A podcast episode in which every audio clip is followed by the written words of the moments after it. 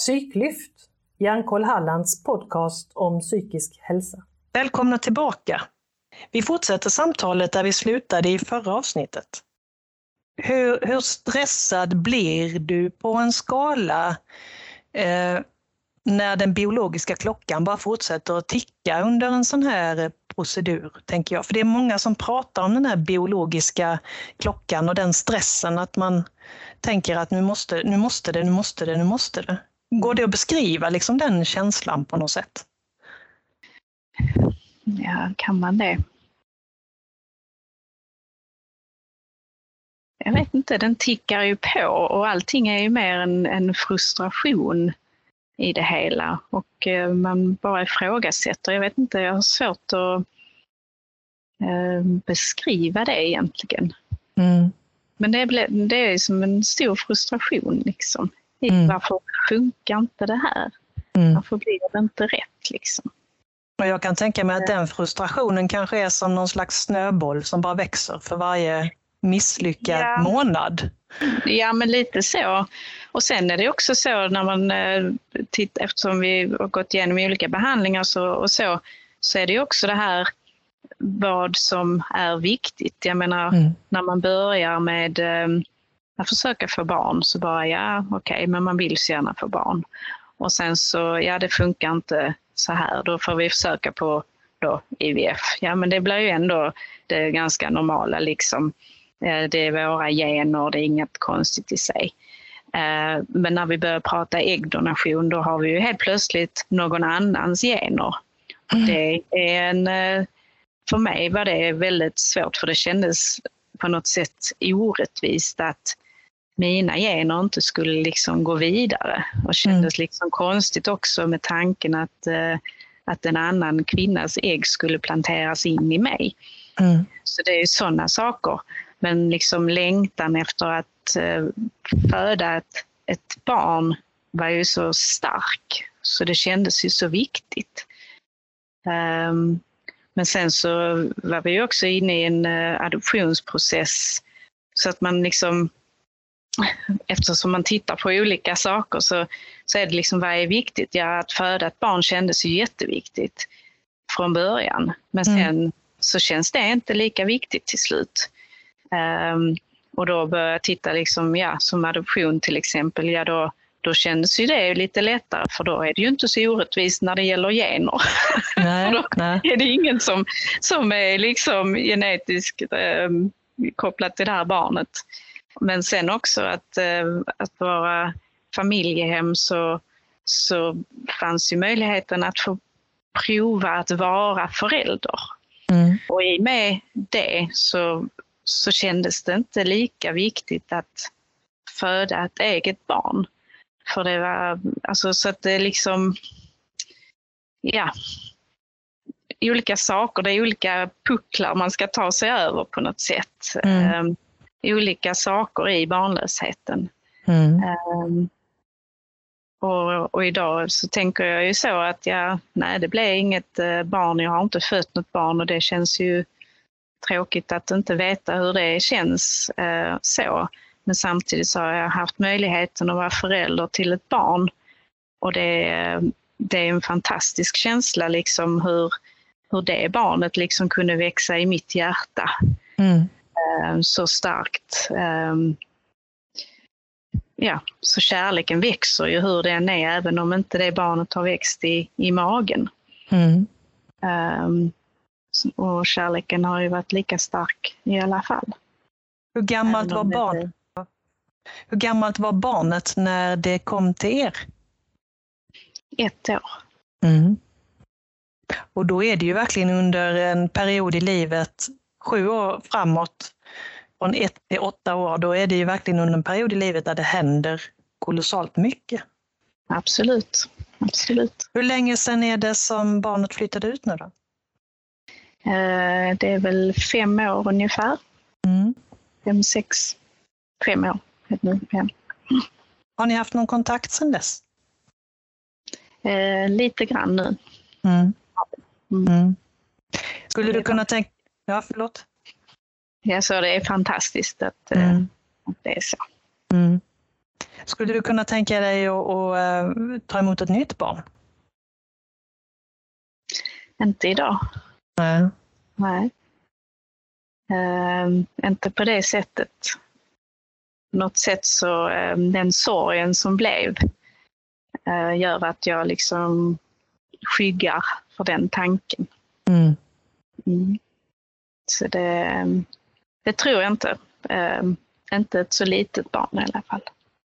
Hur hanterade du sorgen, eller ni kanske då, hur hanterade, hur hanterade sorgen när, för det här var ju någonting som ni kanske visste ett tag innan, att eh, barn, det här barnet kommer att förflyttas.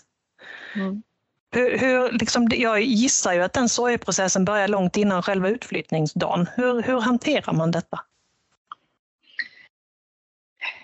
Ja, hur hanterar man just det i, innan det sker så eh, behöver man ju finnas för det barnet så att mm. eh, då kan eh, Naturligtvis måste man ju prata med barnet om det här ju, så att eh, där blir ju en process i sig.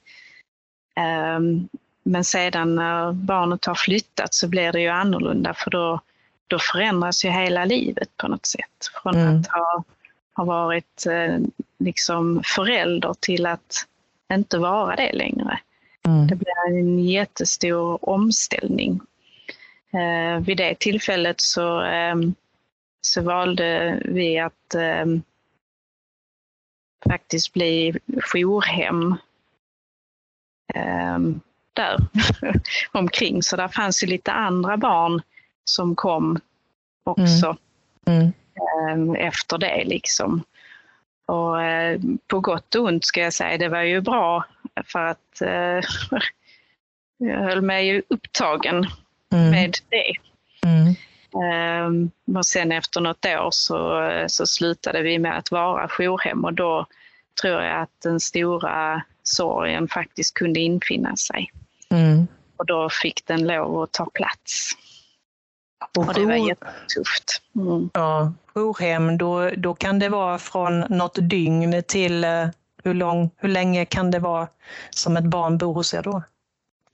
Ja, det är väl tänkt att vara max fem sex månader. Mm.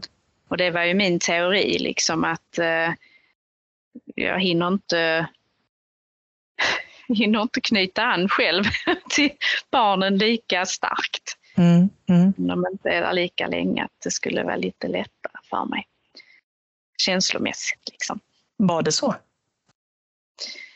Eh, tiden har ju en betydelse. Det har mm. den. Mm. Mm.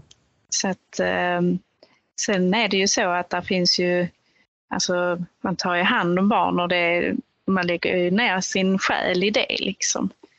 Så att eh, det är inte så att man bryr sig mindre om de andra barnen. Man hinner inte fästa sig lika mycket. Nej, Nej och, och eh, när sen sorgen kom ikapp, som du sa, när den liksom fick utrymme. Eh, känner du att du har tagit dig igenom den på ett hälsosamt sätt Eh, för att du har sörjt tidigare eller är varje sorg liksom lika jobbig och lika unik eller kan man bli bättre på att hantera det?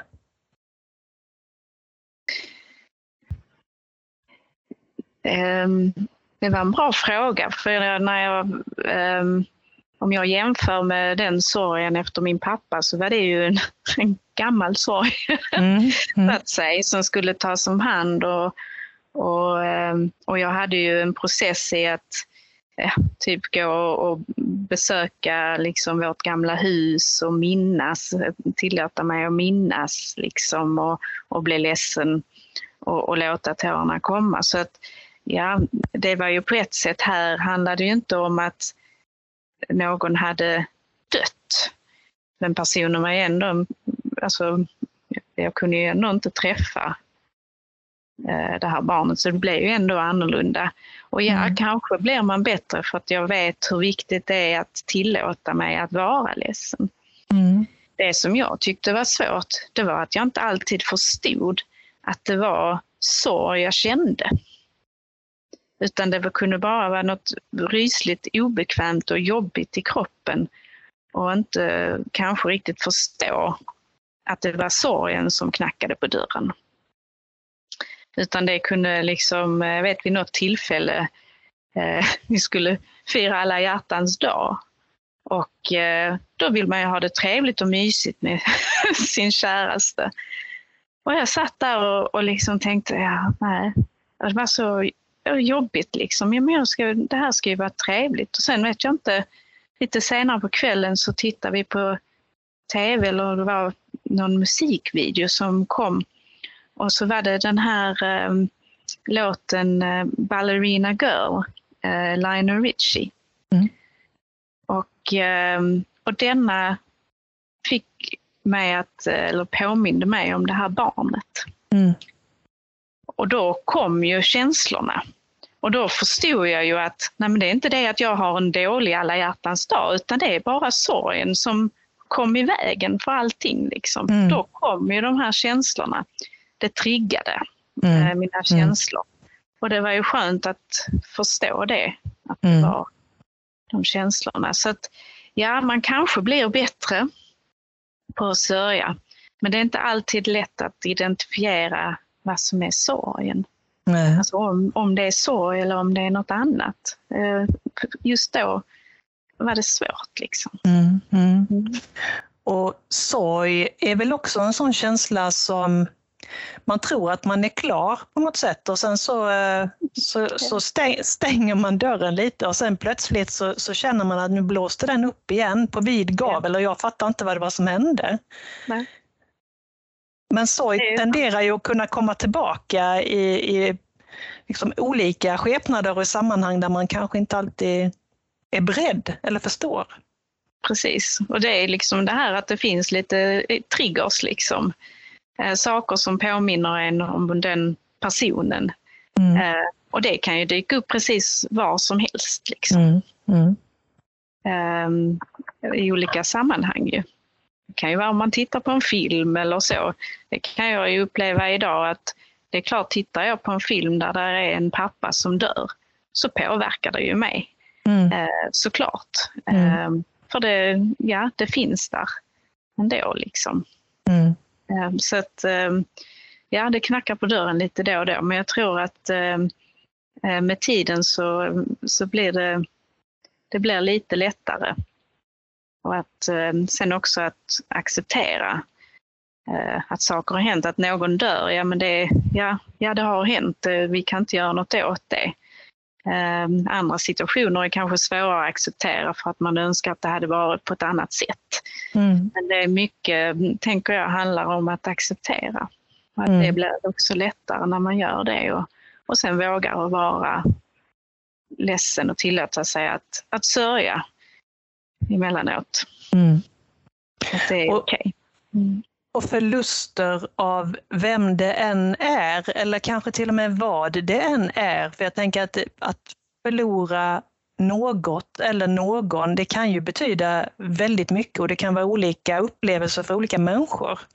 Så medan någon tycker att det är fruktansvärt jobbigt att förlora sitt jobb så kanske någon annan inte alls tycker att det var särskilt besvärligt. Så det går ju inte heller att säga att det här är så mycket sorg och någonting annat är så mycket sorg, utan det är väldigt individuellt för olika.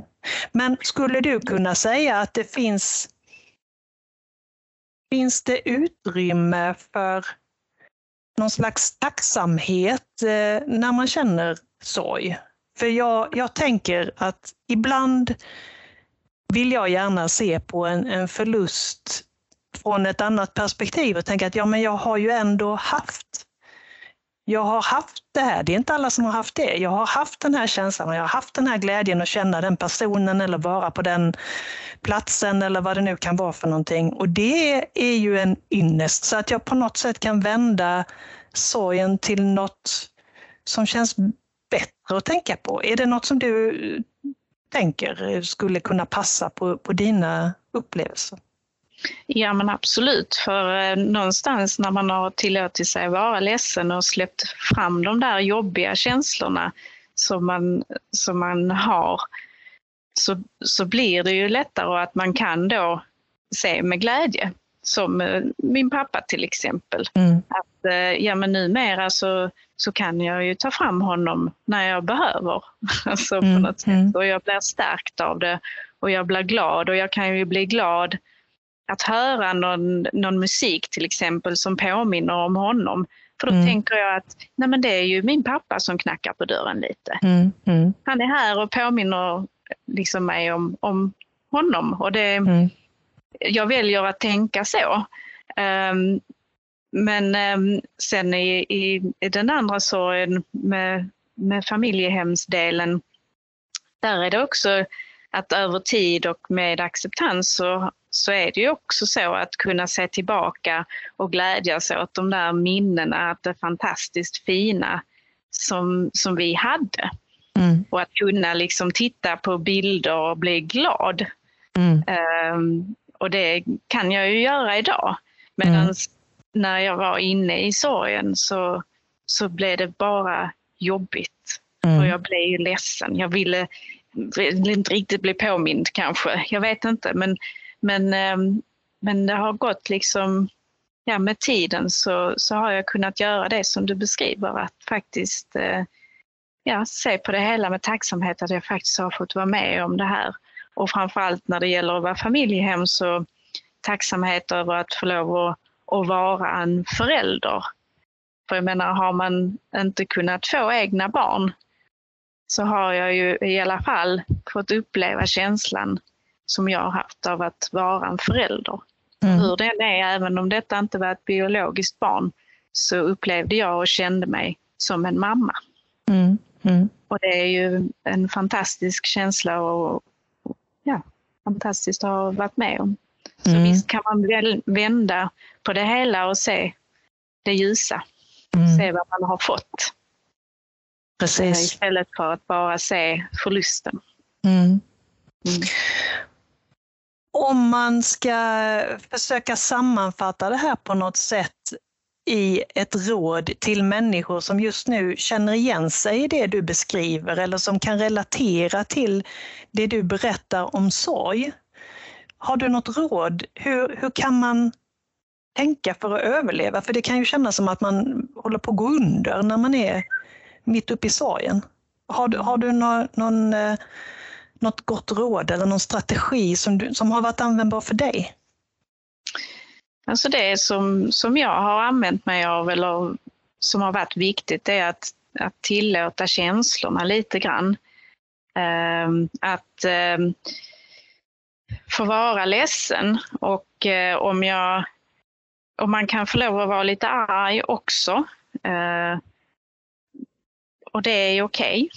Ehm, att tillåta de känslorna att vara där. Ehm, och sen så något som jag gjorde i alla fall när det gällde eh, min pappa och sorgen där, så, så kunde jag identifiera att, att jag hade en känsla av att jag inte fick sagt hej då på riktigt. Mm.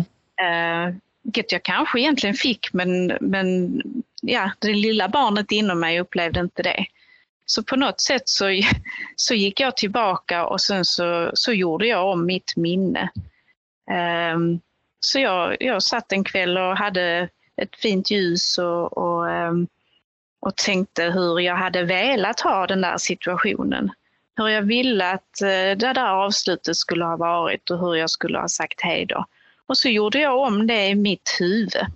Och det låter kanske lite konstigt, men det hjälpte mig att göra om det så som jag ja, hade velat att det var. Och då, och då fick jag ju sagt hej då på något konstigt sätt Mm. Mm. ehm, i min lilla verklighet. Så, att, så jag tänker att, ehm, att ja, dels tillåta sig att vara lite arg och, och, ehm, och ledsen över det som har hänt, men sen så samtidigt eh, kanske ja, gå igenom och, och uppleva det som har varit för att sen kunna gå framåt. Så lite grann gå bakåt för att sen kunna gå framåt Mm.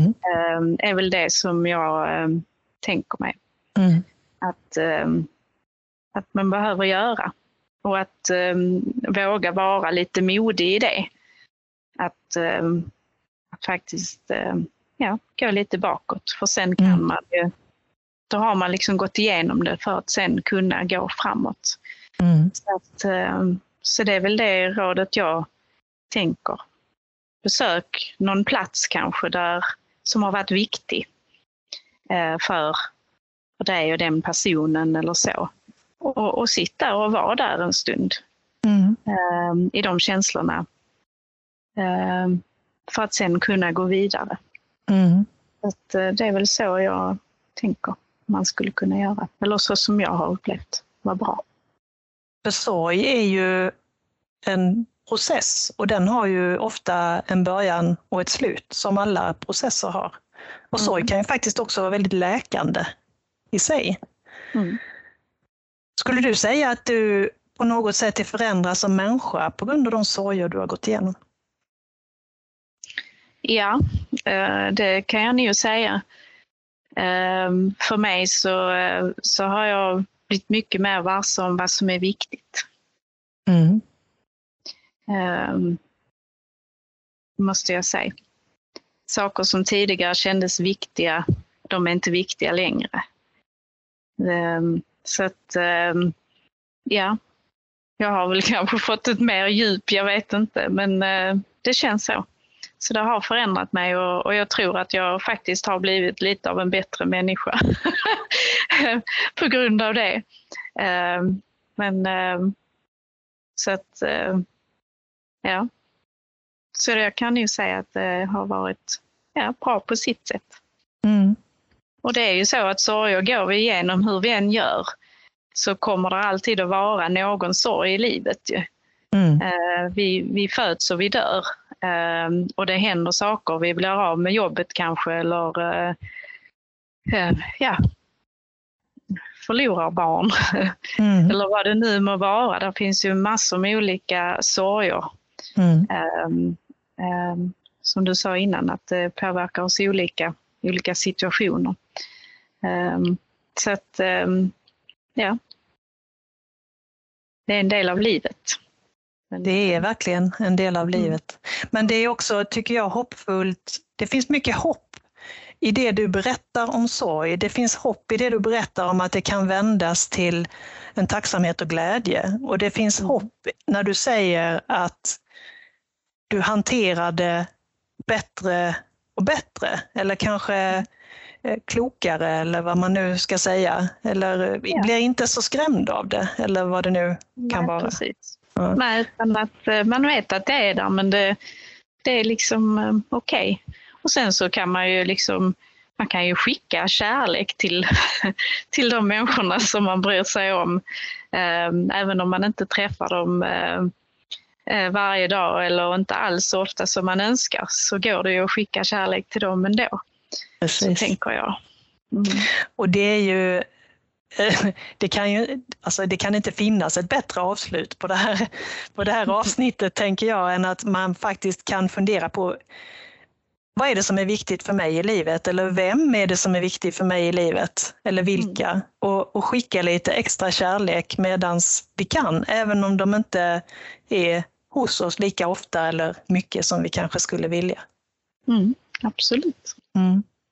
Och jag eh, gläds också åt att höra att jag tror inte du har blivit en bättre människa, för jag tror du var en väldigt fantastiskt bra människa tidigare, men kanske en, en eh, mer erfaren och, och på sätt och vis rikare människa genom de erfarenheterna du har. Och det, det kan också kännas hoppfullt att tänka på att när det är som jobbigast så, så lär vi oss någonting utav det. Mm. Mm. Absolut. Då vill jag säga tack så jättemycket Malin för att du delade med dig av det här och för att du tog dig tid att medverka i Psyklyft idag. Tack så mycket. Det var jättetrevligt att få lov att vara här. Mm.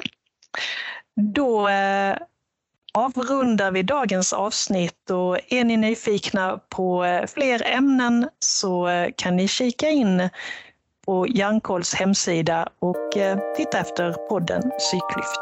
Tack för idag. Hej hej! Fortsättning följer.